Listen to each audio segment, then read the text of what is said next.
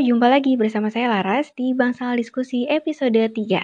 Kalau kemarin kita udah jalan-jalan ke Boston, kalau hari ini kita mau jalan-jalan ke Australia untuk ketemu sama salah satu teman saya yang lagi ngambil master ekonomi di sana. Namanya Baskara Diwena. Halo Bas. Halo, selamat sore Laras. Apa kabar? Baik, alhamdulillah baik. Gimana di sana keadaannya gimana, Bas?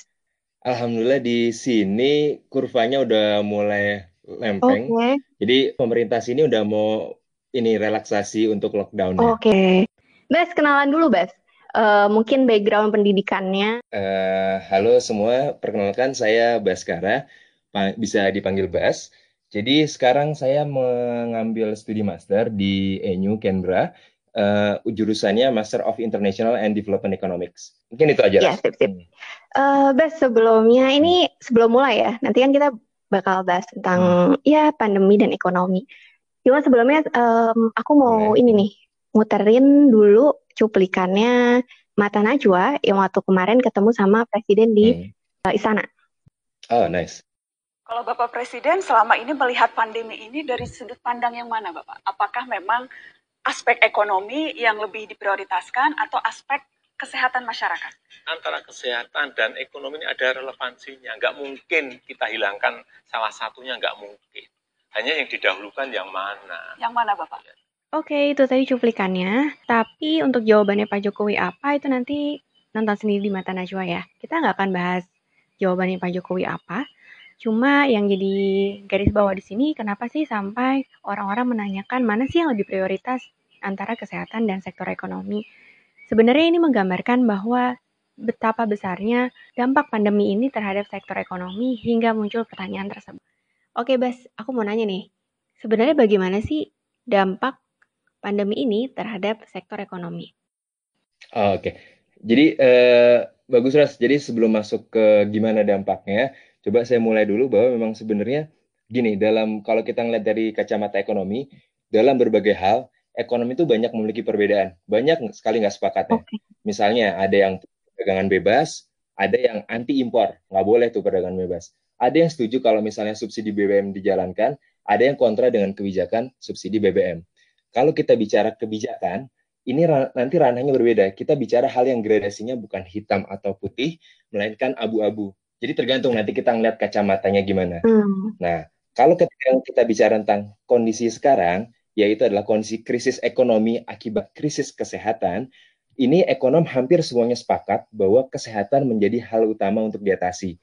Jadi kalau kita nggak mengeliminasi sumber masalahnya, yaitu masalah kesehatan, sia-sia nanti untuk meminimalisir dampak ekonomi yang terjadi. Oke okay, oke. Okay. Kalau gitu dampaknya sendiri itu gimana sih, Bas? Uh, pandemi ini ke ekonomi atau bagaimana sih bisa berdampak gitu? Nah, nah jadi uh, pandemi ini channelnya ke ekonomi itu ada tiga ras. Jadi uh, kalau di ekonomi itu yang pertama itu dari sisi supply, sisi penawaran. Mm -hmm. Nah kalau misalnya bicara ada pandemi ini, ada COVID-19 ini, uh, ini akan mempengaruhi gimana sih uh, rantai alur produksi. Misalnya saya ambil contoh, misalnya ada pabrik mobil di Jawa Barat, uh -huh. gitu kan. Ketika misalnya uh, ada pandemi ini, biasanya nih banyak under deal yang ngambilnya dari Thailand, sebagian dari China. Tapi ketika China di lockdown, uh, supplier barangnya itu kan tadi nggak bisa berproduksi dong. Uh -huh. Jadi kita nggak bisa kirim ke barang ke Indonesia, ke Jawa Barat tadi case-nya juga sama. Misalnya di Thailand kemudian juga alur perdagangannya akan terhambat. Nah, ini membuat apa? Membuat supply barangnya, produksi barang dari uh, pabrik mobil yang di Jawa Barat tadi akan berkurang. Nah, mengakibatkan apa? Kalau misalnya pabriknya mulai berkurang produksinya, biasanya mungkin ada layoff. Kayak sedikit dikurangin, ada pemecatan di sana. Nah, itu dari sisi produksinya yang pertama. Yang kedua, dari sisi permintaan. Mm-hmm. Nah, misalnya kalau misalnya kita lihat tadi pandemi ini, ini kan mengurangi permintaan akan misalnya bisnis travel, kita keluar, atau misalnya tourism, jalan-jalan, itu udah pasti berkurang. Kemudian juga misalnya kita dari uh, rumah di Depok, kemudian kantor di Jakarta, hmm. kita naik kendaraan transportasi umum. Nah itu kan ketika memang ada misalnya lockdown, itu kan ada pengurangan uh, pergerakan dan itu menyebabkan permintaan kita untuk hal-hal barang-barang misalnya transportasi publik ataupun misalnya laser misalnya tadi yang tourism mm -hmm. atau juga misalnya biasa kita belanja baju atau misalnya jajan lah gitu kan. Nah itu kemudian akan berkurang. Itu alur kedua akan mengurangi channel dari sisi permintaan tadi ras. Okay. Nah yang ketiga Yang ketiga ini dari sisi confidence, jadi sisi uh, kepastian. Ketika memang kita bicara ekonomi, uh, akan ada alur investasi. Jadi misalnya ada perusahaan dari luar asing mau bangun pabrik di Indonesia. Mm -hmm. Nah, tapi kita nih, misalnya kondisinya memang penuh ketidakpastian sekarang ekonominya. Ya udah, akhirnya dalam uh, kondisi sekarang ini mereka akan menunda investasi untuk masuk ke Indonesia atau misalnya bisnis tadi, bisnis dia mau ekspansi lebih besar, dia akan menunda. Jadi wait and see melihat gimana sih nanti kondisi ke depannya. Okay. Gitu. Jadi alur tadi dari sisi supply, demand sama confidence itu yang menyebabkan pandemi ini akan berdampak besar ke ekonomi. Hmm, ya ya ya. Untuk sekarang kondisi sekarang nih, Mas, udah bisa dibilang krisis ekonomi kah? Bisa dibilang krisis atau enggak? Hmm. Uh, jawabannya ya, bisa ya, berarti Jadi memang ini krisis ekonomi ya, ini. Kalau bedanya sama krisis-krisis ekonomi yang sebelum-sebelumnya itu apa, Bes? Kan dulu kita juga tuh pernah krisis-krisis ekonomi juga. Ini mungkin ada bedanya gitu? Oke. Jadi apa bedanya krisis yang sekarang dibandingkan krisis yang sebelumnya? Jadi yang membedakan adalah kalau misalnya kita lihat krisis sebelumnya di 2008, krisisnya ini sebenarnya berawal dari krisis keuangan. Jadi di sektor keuangan. Kemudian uh, ada yang namanya subprime mortgage. Jadi istilahnya ada masalah di sektor finansial keuangan di US berdampak kemudian akibatnya baru ke sektor. Dan begitu juga di tahun 98. Tahun 98 itu yang krisis uh, Asia itu juga dampaknya dari mana? Dari sektor keuangan. Kemudian akibatnya berdampak ke sektor. Nah, yang membedakannya adalah ketika dua krisis sebelumnya ini Indonesia banyak ditopang sama sektor UMKM. Jadi dampaknya nggak besar, Ras. Jadi kalau misalnya uh, kamu ingat mungkin berita di tahun 98 dulu banyak yang kemudian artis-artis karena nggak bisa dapat kerja dia buka apa ya semacam kayak lapak di Senayan tukang nasi goreng buka di sana nah hmm. akibatnya apa sebenarnya ekonomi kita jatuhnya tidak terlalu dalam karena didukung oleh sektor UMKM nah krisis yang sekarang ini berbeda dengan dua krisis sebelumnya kenapa karena yang namanya sektor real ini langsung terdampak jadi hmm. misalnya dulu abang-abang nasi goreng masih bisa mendapat penghasilan. Nah, yang sekarang yang kelas menengah bawah, yang memang masyarakat yang miskin, itu dia mau nggak mau dampaknya jauh lebih besar. Dia nggak bisa jualan nasi goreng, kemudian juga misalnya dia nggak bisa ngojek, kemudian dia nggak bisa dagang sayur lagi. Dampaknya justru akan jauh lebih besar. Itu. Jadi memang dampak di sektor realnya akan jauh lebih besar. Nah, yang kedua adalah, yang kedua kalau kita bicara interconnectedness, jadi keterkaitan ekonomi. Mm-hmm. Kalau di dua tahun dua krisis sebelumnya itu memang uh, jejaring global supply chain, misalnya tadi produksi tadi faktor produksi itu belum sekuat sekarang. Kalau sekarang misalnya kita apa-apa impor gitu kan. Kemudian kita juga uh, ngirim ekspor uh, barang kita ke luar negeri. Nah, ketika hmm. Ada pandemi ini, ini masing-masing negara kemudian mulai menutup diri gitu kan. Nah, itu yang menyebabkan hmm. akhirnya apa? Akhirnya tadi alur produksinya kemudian menjadi terhambat, dampaknya nanti ke ekonominya juga semakin melemah gitu. Jadi dampaknya hmm. sekarang akan jauh lebih besar dibanding dua krisis sebelumnya. Itu kan sekarang ya Bas yang kita lihat ya. Tapi kalau itu mungkin kita masih bisa orang-orang yang bukan hmm. orang ekonomi nih masih bisa tahu gitu. Yes. Oh ya UMKM terutama yang paling terdampak. Nah, hmm. untuk jangka panjangnya gitu Bas itu apa ya? Aku nggak bayang tuh jangka panjangnya nanti kira-kira apa sih dari sisi ekonomi kalau misalnya nih sekarang udah pulih kemudian udah pada bisa jualan lagi gitu, masih ada nggak efek jangka panjangnya dari beberapa bulan pandemi ini? Di dalam jangka panjang. Jadi uh, gini Ras, yang paling bisa nanti kita rasakan selama ini adalah sebenarnya bagaimana COVID-19 ini mengubah hidup kita. Jadi yang dulu uh, kita biasanya tidak terlalu ketergantungan dengan digital, sekarang kita mm-hmm. mulai ketergantungan dengan digital. Misalnya yeah. dulu kelas harus ketemu fisik, sekarang bisa pakai uh, Zoom misalnya gitu ya. Nah, mm-hmm. itu yang menyebabkan nanti bisnis proses dalam kehidupan kita akan mulai berubah. Kita akan sekarang bisa lebih menggunakan digital, itu pertama. Dan yang kedua, misalnya dulu kita tidak terlalu concern dengan lingkungan. Sekarang kita akan mulai berpikir merefleksikan tentang lingkungan. Dulu mungkin bisnis trip kita kalau misalnya kita dinas ya udah pergi-pergi aja. Tapi sekarang mungkin kita akan berpikir bahwa kalau memang nggak perlu ya nggak usah pergi. Kita bisa pakai Zoom, kita bisa pakai digital saja. Itu yang kedua. Dan yang ketiga, nanti pun uh, kita akan melihat bahwa memang sebenarnya uh, bisnis proses ini tadi juga tidak bisa terpaku ke satu negara. Misalnya sekarang ini kan Cina kuat banget. Jadi misalnya mm-hmm. apa-apa, misalnya ekspornya itu uh, impornya itu dari Cina. Nah mungkin nanti uh, uh, pelaku usaha pelaku usaha itu melihat bahwa memang kita nggak bisa naruh semua kantung kita itu di Cina, tapi pabriknya ada sebagian juga ditaruh di negara-negara lain. Misalnya mm-hmm. nanti ditaruh di uh, ASEAN gitu ya kemudian misalnya atau ditaruh di Asia Selatan, misalnya Bangladesh atau misalnya India. Jadi uh, di dalam uh, lingkup global, mungkin pelaku pasar, pelaku usahanya akan lihat, oke okay, kita nggak bisa naruh semua pabrik kita di Cina, tapi taruhlah di beberapa negara lain. Karena apa? Karena misalnya ketika nanti ada resiko di satu negara, seperti di Cina lockdown seperti sekarang, itu masih ada negara-negara lain, pabrik-pabrik lain yang bisa menopang bisnisnya dia tadi. Jadi itu salah satu dampak oh, di jangka panjangnya. Hmm, kebayang. Sip, sip. Kemudian Bas, ini kan tadi ekonomi sudah berdampak nih ya. Kemudian ada nggak sih penurunan? Mungkin ada semacam hitungan gitu, penurunannya berapa persen sih, kayak gitu-gitu? Hmm, ada, ada banget itu Ras. Jadi uh, ada banyak lembaga ekonomi, kemudian juga dari pemerintah sendiri ngelihat gimana sih dampak COVID ini terhadap ekonomi kita. Hmm. Jadi uh, ini saya cuplik sedikit. Jadi memang kalau misalnya dari ADB, Asian Development Bank, dia bilang di tahun 2020 ekonomi kita akan tumbuh 2,5 persen gitu. Karena sebelumnya tahun tahun lalu itu 5 persen ras. Hmm. Nah Moody's itu tiga persen. Nah pemerintah sendiri jadi ada yang namanya eh, KSKK.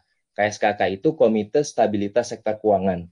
Nah itu isinya ada dari Kementerian Keuangan, kemudian dari Bank Indonesia, kemudian dari OJK sama LPS. Nah komite ini bilang kalau misalnya kita proyeksi antara ekonomi kita turun menjadi 2,3 persen atau bahkan buruk-buruknya itu bisa negatif 0,4 persen, Ras. Okay. Jadi ekonominya range-nya dari bisa negatif 0,4 sampai 2,3 persen. Padahal dari tahun lalu itu 5 persen.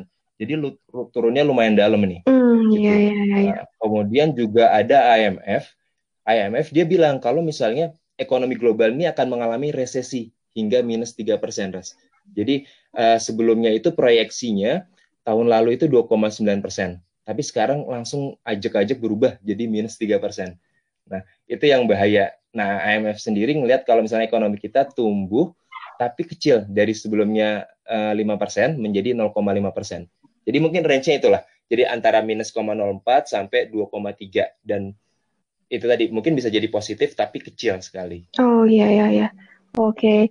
Terus untuk um, biar nggak depresi ekonomi nih ya, terus apa sih yang harus dilakukan gitu? Hmm, hmm, hmm.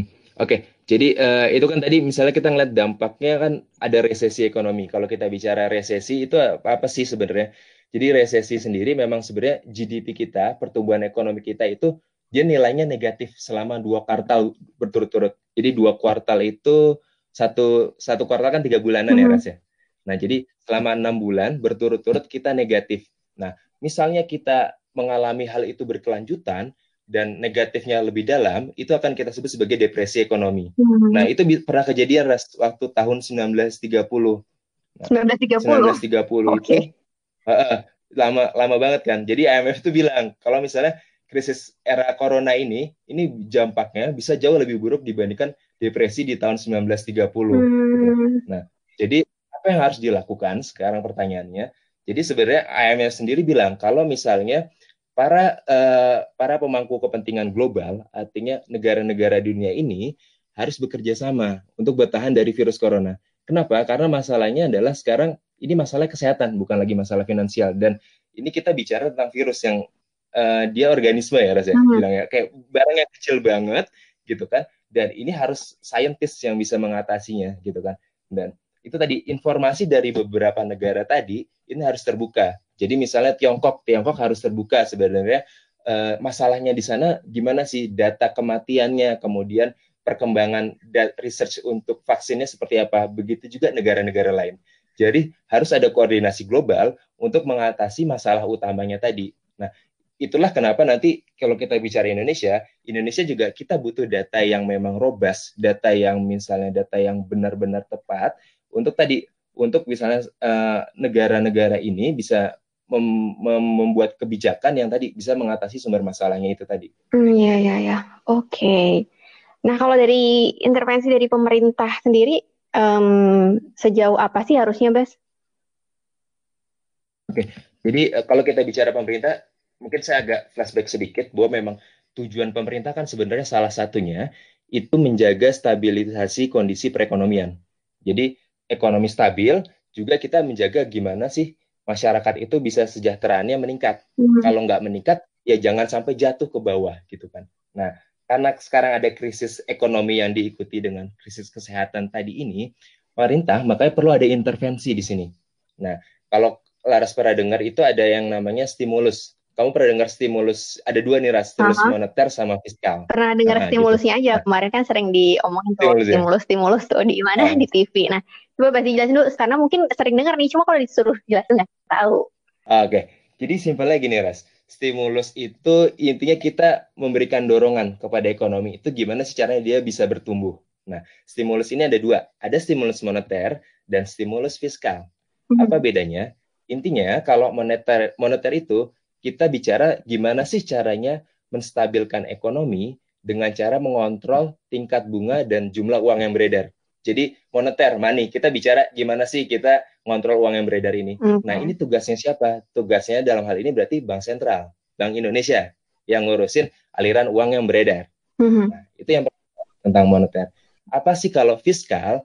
Nah kalau fiskal kita bicara gimana sih caranya uh, pemerintah mengarahkan ekonomi melalui pengeluaran dan pendapatan dari pemerintah itu sendiri. Misalnya mengeluarkan uang dari pajak. Nah, dalam hal ini kita bicara berarti uh, siapa yang berperan di sini pemerintah melalui apa?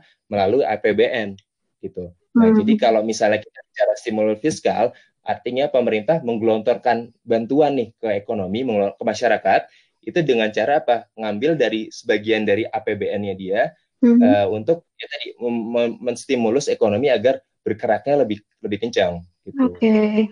Iya, iya, iya, iya. Terus uh, untuk stimulus kedua stimulus ini mungkin bisa nggak Bes jelasin implementasinya tuh terus kayak apa ya? Mm-hmm.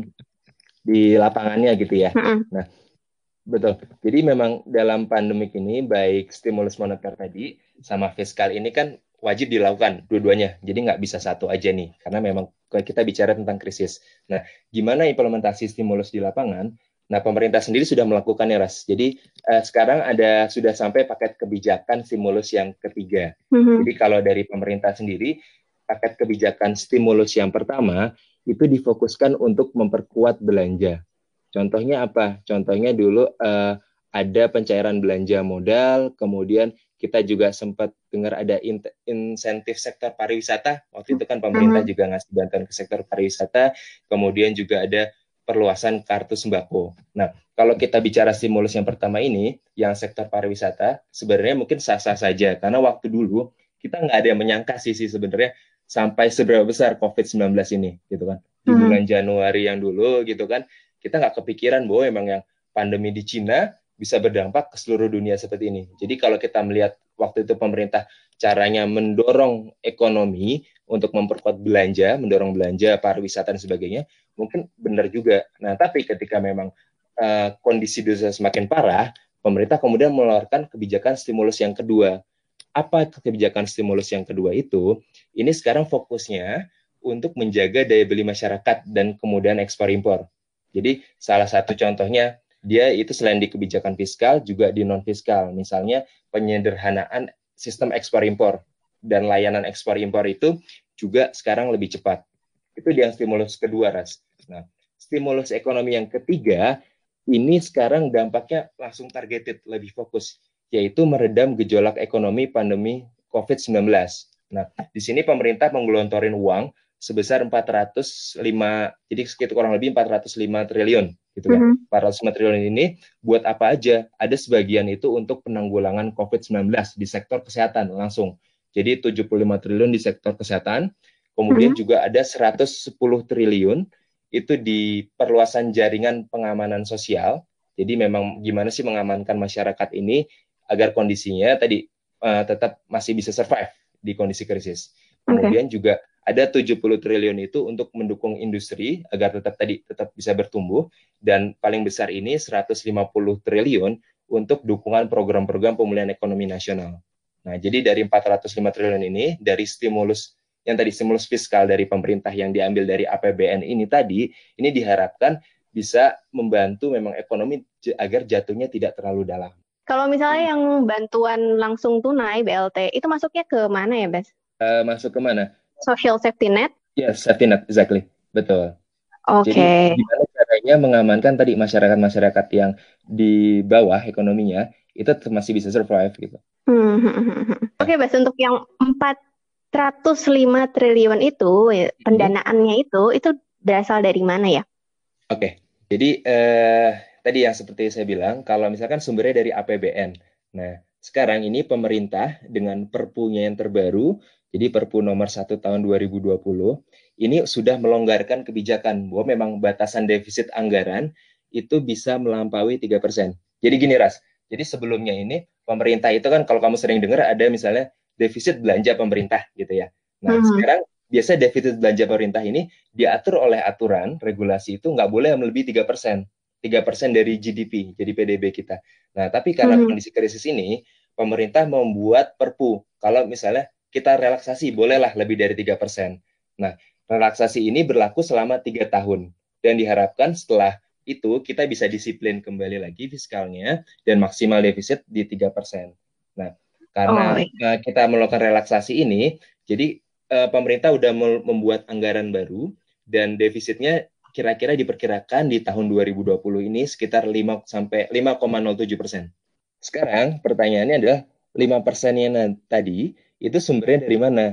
Yang pertama, jadi pemerintah akan merealokasi. Jadi pendanaan-pendanaan yang memang ada yang dulu dialokasikan untuk uh, kantung-kantung yang dibutuhkan, jadi pindah. Misalnya uh, kemarin kan kita rencana mau ada UN gitu ya, ada anggaran ujian nasional. Kemudian dari hmm. Departemen Pendidikan menggunakan dananya untuk penanggulangan COVID-19. Kemudian juga uh, pemerintah juga sudah menganggarkan untuk uh, pemindahan ibu kota baru. Nah, pada tahun ini direncanakan pemindahan ibu kota baru ditahan dulu di hold, dananya digunakan untuk tadi uh, pengentasan masalah COVID-19. Itu yang pertama. Dan yang kedua, ada juga uh, namanya pandemic bond. Apa itu pandemic bond? Pemerintah Indonesia mengeluarkan surat utang, gitu, surat utang internasional nih, gitu kan, bond, yang nanti uh-huh. kemudian uh, dijual secara internasional, kemudian negara-negara lain mau beli atau enggak. Nah, pemerintah udah melakukan hal itu, yang namanya tadi pandemic bond ini dijual, kemudian sudah laris manis di luar sana, dan itu uh, rate-nya berapa? Rate-nya 4,5 persen dengan tenor terpanjang se 50 tahun. Jadi sekarang itu dari menjual pandemic bond tadi ras uh, pemerintah sudah mengantongi dana sebesar 4,3 miliar dolar US atau setara sekitar 68,8 triliun. Jadi uh, kita ada pendanaan dari pandemic bond tadi. Nah, kemudian kalau tadi kita bicara mm, bahwa memang sebenarnya bond ini laris manis, ini juga salah satu yang patut diapresiasi. Kenapa? Artinya negara-negara lain di dunia itu masih percaya ras sama kita jadi di tengah ketidakpastian COVID ini, di tengah krisis, mm-hmm. ternyata negara lain itu masih percaya ekonomi Indonesia bisa sanggup ngebayar nanti di 50 tahun lagi dengan rate dengan bunga sebesar 4,5 persen tadi. Tadi kalau misalnya kita bicara kepercayaan, jadi pemerintah sendiri, eh, Bank Indonesia, tepatnya itu mendapatkan fasilitas repo line yang diberikan The Fed sebesar 60 miliar US dollar ras. Jadi apa sih sebenarnya rep repo hmm. line ini tadi? Jadi simpelnya gini, kalau misalnya nanti Indonesia membutuhkan likuiditas dolar yang nggak bisa diperoleh dari tempat lain, jadi udah cari nih dolar ke mana-mana nggak dapet, nah nanti BI hmm. ini bisa memanfaatkan fasilitas repo line tadi untuk mendapatkan dolar dari The Fed. Dengan cara apa? Dia uh, eh, BI dengan cara merepo atau menjaminkan treasury bill, surat utang US yang dimiliki oleh bank sentral. Jadi bank sentral ini ngasih surat utangnya tadi, T-bill-nya ke The Fed untuk tadi mendapatkan dolar yang dibutuhkan. Nah, tapi sampai sekarang, oh, yes, okay. tapi sampai sekarang uh, eh, BI ini nggak punya rencana kok dan belum ada rencana untuk merepokan tadi T-bills-nya dia tadi untuk mendapatkan dolar. Karena sekarang memang kita kondisinya nggak butuh hmm. gitu. Nah, oh, tapi iya, apa iya. poin pentingnya di sini? Eh, The Fed ini hmm? The The Fed ini adalah bank sentralnya ah, iya. Amerika yes, ya? betul. Jadi The Fed ini bank sentralnya US gitu. Okay. Nah, fasilitas repo line dari The Fed ini merupakan sebuah bentuk vote of confidence. Artinya, The Fed ini percaya kalau misalnya bank sentral kita, Bank Indonesia, dan ekonomi kita itu memiliki prospek yang baik ke depan. Nah, jadi kita dapat fasilitas repo line ini hmm. karena nggak semua negara ras dapat itu. Cuma beberapa negara dan salah oh. satunya Indonesia yang dipercaya untuk fasilitas repo line itu. Hmm. Oke, berarti ini uh, optimisme kalau ekonominya bisa tumbuh baik lagi ya, Bas, setelah pandemi ini. Oke. Kalau alternatif lainnya, Bas? Pendanaan alternatif okay. lain? Oke.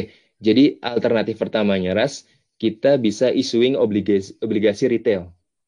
Nah, uh, obligasi mm -hmm. retail ini kamu pernah dengar istilahnya SUN gitu surat utang negara yang misalnya sukuk tabungan atau misalnya ORI obligasi retail. Pernah dengar ya itu ya? Yes. Iya, pernah. Nah, ini sebenarnya kita hmm. bisa aja mendapatkan dana dari dalam negeri, artinya dari masyarakat aja. Jadi pemerintah ngasih utang, oh. membuat surat utang dan masyarakat ngasih utangnya langsung ke pemerintah gitu.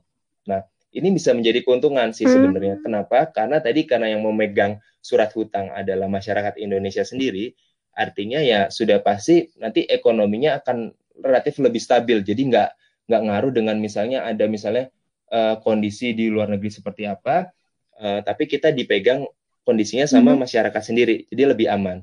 Nah, tapi problemnya ini ada hmm. istilahnya kalau dalam ekonomi itu crowding out effect.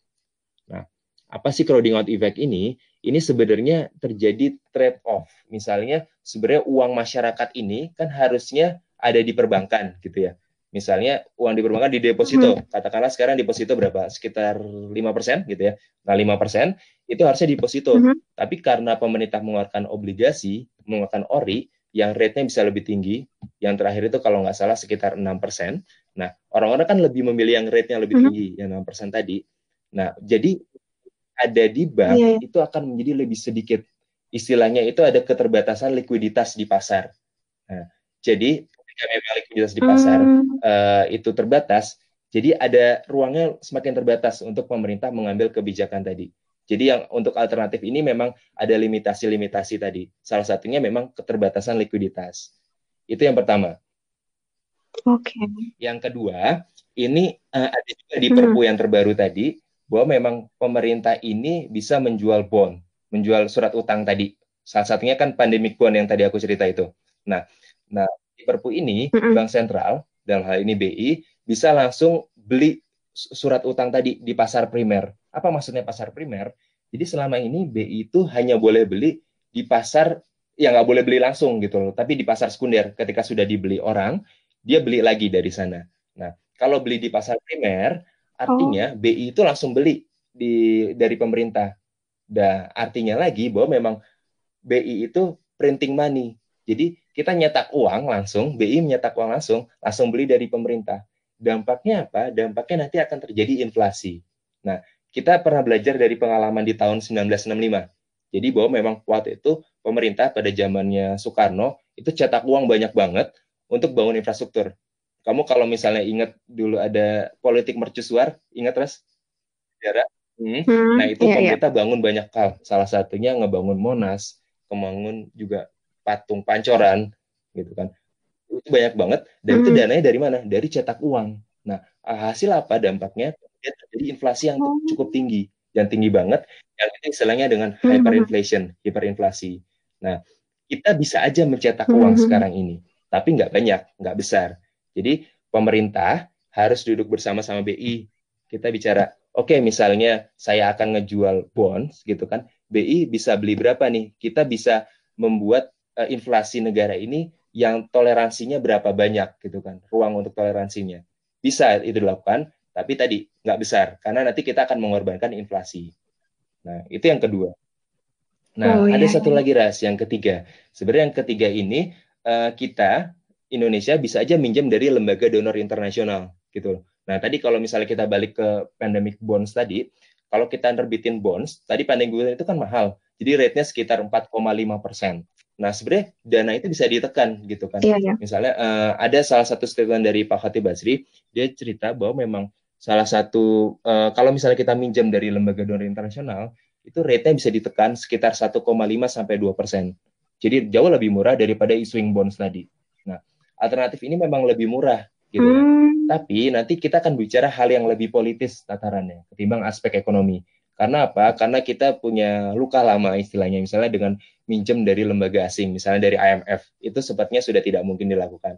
Nah, kita mungkin bisa meminjam dari lembaga-lembaga donor internasional lainnya, misalnya World Bank atau ADB, Asian Development Bank, atau misalnya nanti Asian Infrastructure mhm. Investment mm -hmm. Bank. Kemarin sepertinya saya baca berita bahwa memang Bank Indonesia ini sudah pernah berbincang dengan uh, uh, lembaga donor, tadi World Bank, ADB, kemudian AIIB itu bahwa memang nanti Indonesia akan mendapatkan bantuan pinjaman sebesar 7 miliar dolar, Mas. 7 miliar US dollar itu untuk menanggulangi pandemi uh -huh. COVID-19 ini tadi, gitu kan. Kemudian juga Pak Periwarjio itu jadi gubernur okay. Bank Sentral, gubernur Bank Indonesia, uh, dia menyampaikan bahwa memang nanti dana ini akan digunakan untuk menutupi tadi budget defisit yang melebar. Jadi uh, salah satu alternatif lembaga uh, meminjam dari lembaga donor internasional ini juga nanti akan dilakukan oleh Indonesia sendiri. Oke, berarti sudah ada omong-omongan ke arah sana gitu. ya, Karena memang tadi kalau kita balik lagi sisi ekonominya sebenarnya akan lebih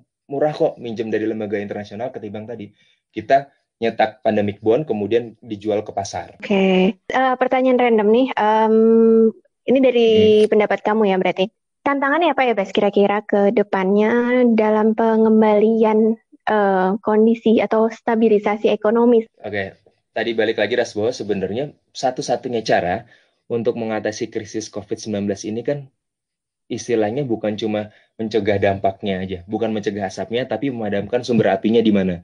Jadi eliminasi sumber pandemik tadi itu jadi kunci. Hmm. Nah, sekarang pertanyaannya adalah seberapa kuat sih keinginan pemerintah untuk mengatasi sumber masalahnya ini? Pandemi jadi kunci.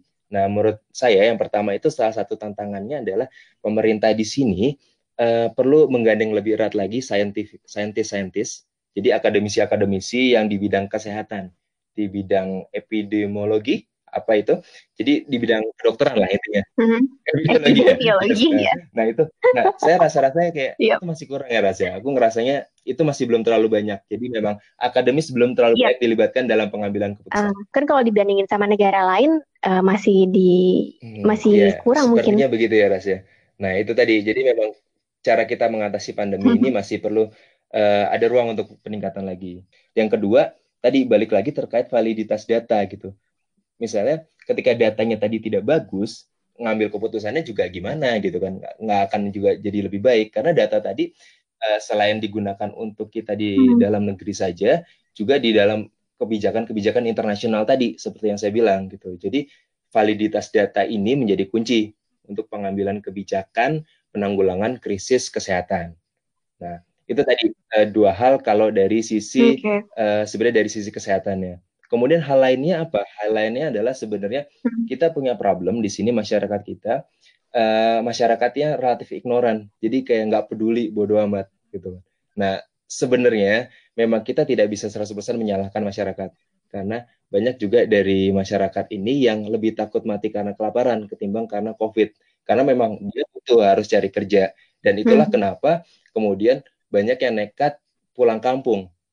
Oh sorry, mudik. Pulang kampung pulang kampung ya pulang kampung mudik ya pulang kampung nah, pulang kampung pulang kampung daripada di Jakarta hidup di kos-kosan kemudian bareng-bareng sempit 8 orang seperti yang dibilang Pak Jokowi ya mending akan lebih baik untuk pulang kampung gitu kan dan itu sebenarnya keputusan yang sangat-sangat rasional untuk dilakukan nah jadi sebenarnya yang perlu dilakukan adalah bagaimana tadi pemerintah bisa memberikan bantuan tadi yang dari 405 triliun tadi itu bisa disegerakan dan tepat sasaran gitu loh. Jadi yang tadi kamu sempat singgung ada bantuan hmm. langsung tunai, itu segera dilakukan gitu kan.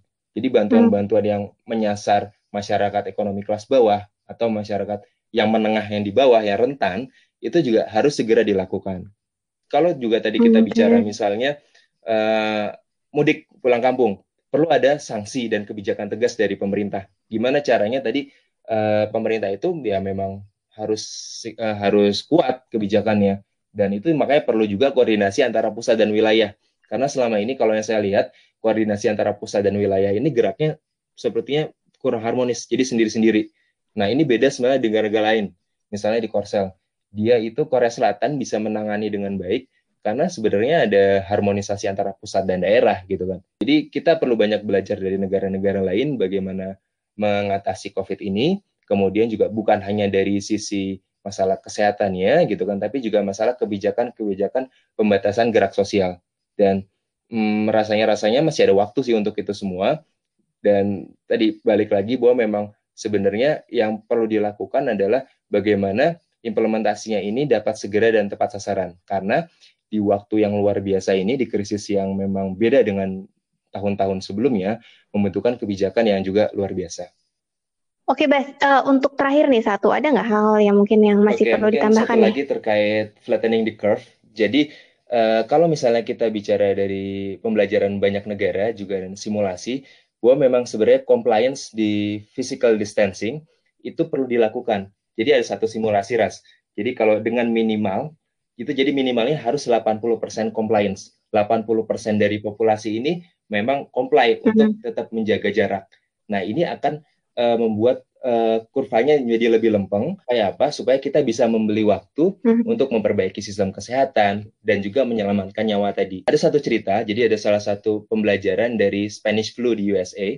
Uh, kebijakannya mm -hmm. setiap negara-negara uh, state federal federal state itu itu dia punya kebijakan mm-hmm. yang masing-masing. Jadi ada satu uh, wilayah yang dia menerapkan lockdownnya cukup ketat, ada dia yang loose gitu kan. Jadi long story short sebenarnya state yang menerapkan physical distancing tegas itu bounce back ekonominya. Jadi ekonominya kembalinya dalam lima tahun mendatang, kemudian tiga tahun mendatang itu jauh lebih cepat dibandingkan uh, state-state yang memang dia menerapkannya loose. Nah, jadi kalau memang kita mau lebih saklek, mau lebih tertib, itu ekonomi kita bounce back-nya akan kembalinya akan lebih cepat ekonominya.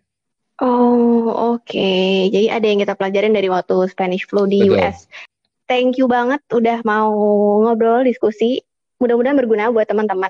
Kita nggak seberapa um, familiar dengan kebijakan-kebijakan ekonomi sebelumnya, tapi sekarang dengan adanya pandemi ini mungkin kita jadi lebih um, pengen cari tahu gitu tentang uh, atau dampak suatu sektor ke sektor lain gitu, termasuk dari kesehatan ke ekonomi dan ya, sebaliknya. Terima kasih Laras sudah gitu, mengundang saya di sini, suatu kehormatan. Iya ya, oke, okay. thank you Bas. Iya siap. Terima kasih banyak ya Ras ya. Sip. Oke, Yo, thank you. Oke, okay, bye bye. Iya.